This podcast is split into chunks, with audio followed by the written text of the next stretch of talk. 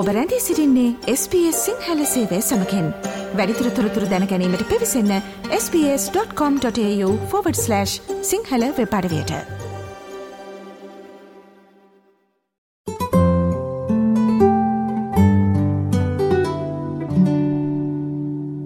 කාලෙන් කාලෙට ඔස්ට්‍රලියාවට විධාකාරය ස්කෑම් වර්ගනත්තම් මේ වංචාකාරී දේවල් විශේෂම අන්තර්ජාලය සහ තාක්ෂණික උපාංගහර හා පැමිණෙනවා. ඉතිං මේ පිළිබඳව දැනුවත් කිරීම ස්පේස් සිංහල ගොන්න දිලින් අප නිරන්තරෙන්ම කරනවා. විශේෂම මේ තමන්ගේ අන්තර්ජාලය සම්බන්ධ උපකරණ ජංගමුතුරකතන මේ කාරණත් එක්ක තමයි මේ ස්කෑම් වර්ගවලට පහසුවෙන්ම ඔබ නතුවන්නේ. ඉතිං මේ දවස්සල ඔස්ට්‍රලියාවේ වැඩිපුරම බලපාන ඒවගේම වැඩිපුරම කතාභාරලක්ෙන වැඩිපුරම දැනුවත් කිරීමට කියලා යෝජනා කරන ස්කෑම් එකක් නැත වංචාවක් තමයි මේ. හායිමාම් කියන ස්කෑම් එක. ඉතින් මේ වංචා පිළිබඳව අපි ඔබ දැනුවත් කරන්නයි දැන් සූදන වන්නේ. අපිත එක්ක මේ සාකච්ඡාවට සම්බන්ධ වෙනවා මෙල්බන්ඩුවර සයිබ ආරක්ෂණ විශේෂක්ඥ චම්පික යටගම මහතා. චම්පික අයිබෝන් කියල පිළිගන්න අපේ වැඩස්රහන්ට බෝ නැවතත්. අයිබුවන් මතර චම්පික මුලින්ම අපේ අසන්නන්ට අපි මුලින්ම පැහැදිලි කරගෙන එමු මේ හයිමාම් කියන ස්කෑම් එක කියන්න මොකක්ද කියලා. ඕමතුර එක පැහැදිලිවම දවා කලින් සඳහන් කර වගේ එකක දාතියේ වංචායනවන ස්කෑම්සනවනි දැන් ගොඩක් කලාට ඔන්ලයින් ශොපින් කරහම SMS එකක් එන ඕස්ට්‍රේලියා පෝස්ට් වලින් එනවා වගේ. එතකොට ඒක වංචාකාරීන්ට පුළුවන් යොදා ගන්න ඩිලිවරි ස්කෑම් එකක් විදියට. දැන් ඊළඟට තියෙන එක තමයි අපි ගොඩක් වෙලාවට අපේ සමීපතම අයගේ අම්මගෙන් තාත්තගෙන් දුවගෙන් පුතාගෙන් පණිවිඩ එන්න බලාපොරොත්තු වෙනවා. එතකොට මිනිස්සු වැඩිපුරම ඉමෝෂනල් වෙන්නේ දරුවන්ට හරි අම්මට තාත්තට හරි කරදරයක් වෙලා ෆෝන් එක නැති වෙලා. එහෙම නැත්නම් ෆෝන් එක කැඩිලා. ඒ නිසා මේ මම යාළුවෙක්ගේ හරහා සම්බන්ධ වෙන්නේ. අන්න ඒ වගේ සාමාන්‍ය channel එකකින් එන්නේ නැතුව වෙන දන්නේ නැති නම්බර එකකින් WhatsApp message එකක් එනවා. මේ මැසේජ් එක එන්නේ මම අම්මා මගේ ෆෝන් එක කැඩිලා. ඉතින් ඒකින්ද පුතේ මට පුළුවන් ඉක්මනට සල්ලි ටිකක් දාන්න මට ඔන්ලයින් බැංකින් වලට යන්න ඕන ටෙම්පරරි දැන් යාගන්න බෑ. ෆෝන් එක හදාගන්න එහෙම නැත්නම් මට වෙන මොකකට හරි හදිසියකට දැන් සල්ලි ටිකක් ඕනේ ඉක්මනට සල්ලි ටික එවන්න කියලා. ඉතින් මේකට අපි කියනවා මේ family impersonation scam එක තමයි හරි වචනේ. දැන් business impersonation උත් යන අතරේ දැන් මේ අලුත් මේක family impersonation මధుර සඳහන් කරපු high mom scam එක කියන්නේ ඒක. දල වශයෙන් අංක සටහනක් කරත් පසුගිය මාස 7 වගේ තමයි අපි මේක දැක්කේ. ඩොලර් මිලියන 2.6ක් මිනිසුන්ට මේ වෙනකොට නැති වෙලා තිනවා. දැනට වාර්තා වුණු පංච 90 වාර්තා නොවුණු ඒවා ගොඩක් ගොඩක් ඇති 1150කට අධික ප්‍රමාණයක් ස්කෑම් වොච් වෙබ් අඩවිය හරහා මේ ගැන වාර්තා කරලා තිනවා. එහි ශීඝ්‍ර ගාතිය වැඩිවීමක් අපි දැක්කා ජුනි ජුලයි මාසවල. ඉතින් එතනනුත් බොහොම කනගාටු දායක කාරණේ තමයි මතුර.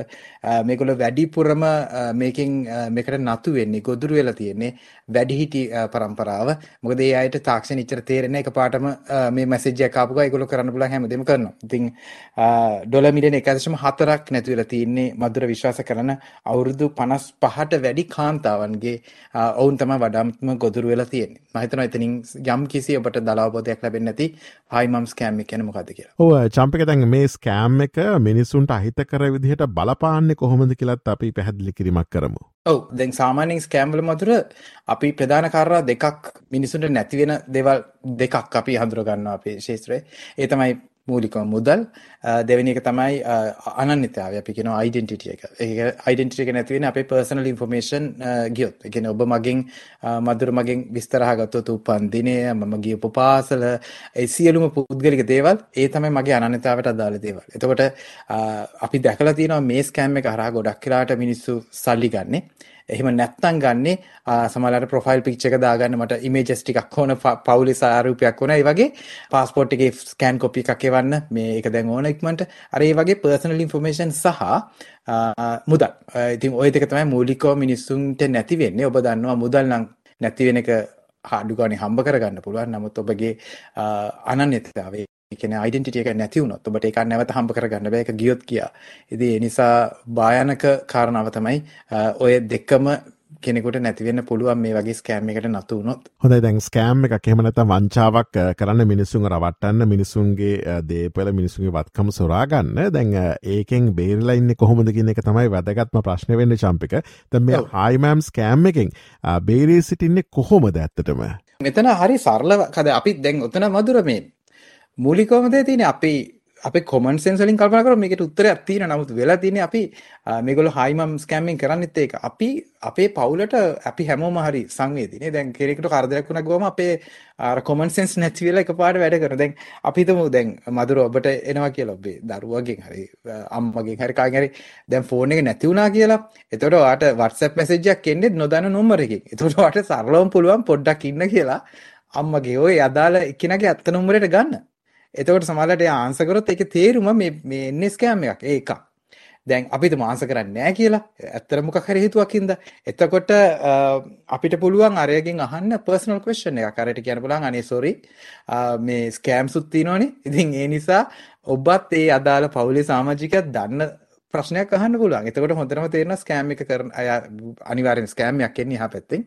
එයා අනිවාර්යෙන් මෙතනින් එහාට යන්නේ නැහැ. ඊට පස්සේ ඔබට පුළුවන් ඒ නම්බරේ සටහන් කරගෙන ඒක ස්කෑම් වොච් වෙබ් අඩියට ගිහලා රිපෝට් කරා. මට හිතෙන්නේ ඕක තමයි බේරන විදිය සහ වැදගත්ම කාරණේ මුදල් හරි පර්සනල් ඉන්ෆර්මේෂන් හරි එවන්න කියලා කිව්වොත් කවුරු හරි ඒක අපි පුරුද්දක් විදියට ඒක සැක කරන්න. ඒක ඒක නොකර ඉන්න පැත්තට මිනිස්සු නැඹුරු වෙනවා නම් මේ විශේෂයෙන්ම ඔබේ ගුවන්විදුලි සේවය මේ කරන කාර්යය වටිනකම ඒකයි. ඒතකොට කෙනෙක් අපි හිතමු ඇත්තම දෙයකට ඒ වගේ එකක් ඇහුවත් ඉතාමත්ම හොඳින් විමසිලිමත් වෙලා ඒකේ කාරණා හොයලා බලලා ඉන්නේ මම ඔබේ නම්බරයට ගන්නම් නැත්නම් තව කාරණා හොයලා බලලා මම මේ විස්තර දෙන්නම් කියන තැනට අපේ ආකල්ප දියුණුනොත් මං හිතන්නේ ස්කෑම් එකකින් කොහොමත් බොහොම පහසුවෙන් බේරලා ඉන්න පුළුවන්. හොඳයි ශාම්පික දැන් ඔබ සඳහන් කරා මේ අපේ හඳුන්වා දීමේදීම හයිමම් ස්කෑම් එකට මේ වන විට නතු වෙලා ඉන්න පිරිස සහ වෙච්ච පාඩුව කොහොමද කියලා වෙලා දැන් මේ ස්කෑම් එකට ඔබ දැනටමත් හසු වී සිටිනව නැත්නම් යම්කිසි පුද්ගලයෙක් දැනටමත් හසු වෙලා ඉන්නවනම් එයින් මිදීමට ඔහුට හෝ ඇයට ගතයුතු පියවර මොකක්ද. ඉතාම ස්තුතියි ඔය ප්‍රශ්නය වන මොකද අපිට ඇත්තටම මේ අපිට අපිකට කියන ප්‍රෝක්ටව මේශස් තින එකන දෙකට අහුවෙන්න කලින් කරන්න දෙවල මේ කතා කර. නමුත් අවාසනාවට අපිතුම කෙනෙක් දැ මේ කියනනේ අවුරදු පනස්පාට වැඩි අය මිඩියන එකස්ම හතරක් නැට නැති කරගෙන තින මේ මාසාහය ඇත ඇතුළත. ඉතින් සමහලාට මේ අද ඔබ මේක අසන මේ ශ්‍රාපකයෙක් සමහලද වැරදිලා මේකට සල්ලියවල දැන් තමයි දැනගත්තේ. ති ඒවයි කෙනෙක් මොකද කරන්න? තියට කරන්න තියන්නේ මම කියන කාරණය මදුර ඇත්තරම මේ ස්කෑමික විතරන්නේ හැම ස්කෑමිකට මදාලයි අපි මූලිකෝම කරන්න ඕනේ ඒක රිපෝට් කරන්න. එතකොට ඒක රිපෝට් කරන්න ඒ කාරණේ ඔබ ස්කෑම් එකට අහු වුණත් නැතත් රිපෝට් කරන්න රිපෝට් සයිබර් කියලා සර්ච් කරන්න Google එකේ ඔබට බලන්න බලා ඒක රජයේ අර සයිබර් සිද්ධවීම් රිපෝට් කරන්නට නැත්තම් වාර්තා කරන්න තියෙන නිල ස්කෑම් වොච් අඩවියත් රිපෝට් කරන්න පුළුවන් ස්කෑම් එකක් විදිහට ඒක හොඳයි. මොකද එතකොට ඒගොල්ලෝ ඒ ටික යොදා ගන්නවා වෙන අය ඒ ඒ උගුලට වැටෙන එකෙන් වළක්ව ගන්න. ඉතින් අපි ගොඩක් වෙලාවට අපි ශාස්ත්‍රීය විදිහට අපි බොහොම ගෞරව කරනවා රිපෝට් කරන අයට. මොකද අපි ඒ හරහා තමයි අනිත් අයව බේරගන්නේ. දැන් අපි හිතමු අහු වුණා කියලා. එතකොට අපි හිතමු සල්ලි ඇව්වා කියලා. එහෙනම් අපි මුලින්ම කරන්න ඕන මේ බැංකුවට කතා කරන්න අදාළ. මොකද බැංකුවට පුළුවන් එතකොට වහාම ඒ සල්ලි ටික ගියපු account මොනවද? ඒවා බ්ලොක් කරලා අනිත් අය ගලවා ගැනීමක් කරන්න සහ ඔබට ඔවුන්ට සාක්ෂි තියෙනවා නම් ඔබට මේ ස්කෑම් එකකට ගිය කියලා ඔබේ මුදල් පවා අපසු ලබා දෙන්න. ඉතින් ඒ තමයි මං මුදල් නැති නැති වුණොත් වෙන්නේ. මම අනික් කිව්ව කාරණේ තමයි ඩෙන්ටිටි එක නැති වුණොත් ඔබේ පුද්ගලික විස්තර ගියා නම් මොකද්ද ඒකට කරන්න ඕනේ? ඒකට තියෙනවා ID care කියලා ආයතනයක්. ඒ කියන්නේ ID CARE idcare.org කියලා කියන්නේ මේ ආයතනය මේ ආයතනයේ පිහිටුවලම තියෙන්නේ ස්කෑම් වලින් පර්සනල් ඉන්ෆර්මේෂන් ඒ කියන්නේ පුද්ගලික විස්තර ස්තොරුන් අතට සයිබර් අපරාධකරුවන් අතට ගියාම ඒ අය වෙනුවෙන් තමයි මේ ආයතනයේ ගවර්න්මන්ට් එකෙන් රජයෙන් පිහිටුවලා තියෙන්නේ. ඉතින් පුද්ගලික විස්තර සොරුන් අතට සයිබ හොරුන් අතට පත් වුණා කියලා යම් කිසි ඔබට චකිතයක් කලකිරීමක් බියක් තියෙනවනම් කෙලිම ID කියා ආයතනයට කතා කරන්න එය Google කරොත් ඔබට ඒ ආයතනයට ඔන්ලයින් හරයි කෝල් කරලා හරි සම්බන්ධ වන්නට පුළුවන්. මූලිකවම මම ඒකයි මුලින් ඉඳලම කිව්වේ මధుර මෙය අපි දැනට කියන්නේ අනිවාර්යයෙන්ම රිපෝටිං හසු වුණත් නොවුණත් ඊට පස්සේ බැංකුවකට බැංකුවට කතා කරන එක. ඒ සමගම ID කී ආයතනයට කතා කරන එක. මේ හරහා ඔබට පුළුවන් දැනටම ඔබේ යම්කිසි ඔබට චකිතයක් තියෙනවා නම් මෙම ස්කෑම් එකට හසු වුණා කියලා ඉන් මිදෙන්නට. හොඳ අපි කතාබහ කරමින් පසුයේ මේ දිනවල ඔස්ට්‍රලියාවේ නවතම වංචාව සම්බන්ධයෙන් තාක්ෂණික වශයෙන් සිද්ධ වෙන හයිමම් ස්කෑම් එක. නැතන් හයිමම් වංචාව කියල තමයි හඳුන්නන්නේ ඉතින් මේ ස්කෑම් එක මොකක්ද සහ මෙයින් බේරන්නට ඔබ ගතයුතු පියවර මොනවාදිකර තමයි අපි කතාබහ කරේ. මේ සාකචාවට අපි සම්බන්ධ කරගත්තේ මෙල්බනුවර සයිබ ආරක්ෂණ විශේෂක්ඥ චම්පික යටගම මහතා. චම්පික බොහොමත්ම ස්තුතිවන්තයනවා අපිත් සමඟ මේ අදහස් පෙදා හදා ගැනීම සම්බන්ධයෙන් සුබදවසක් ප්‍රාර්ථනා කරනවා. සුබදවසක් මතුර. SBS SBS SBS SBS SBS SBS Radio.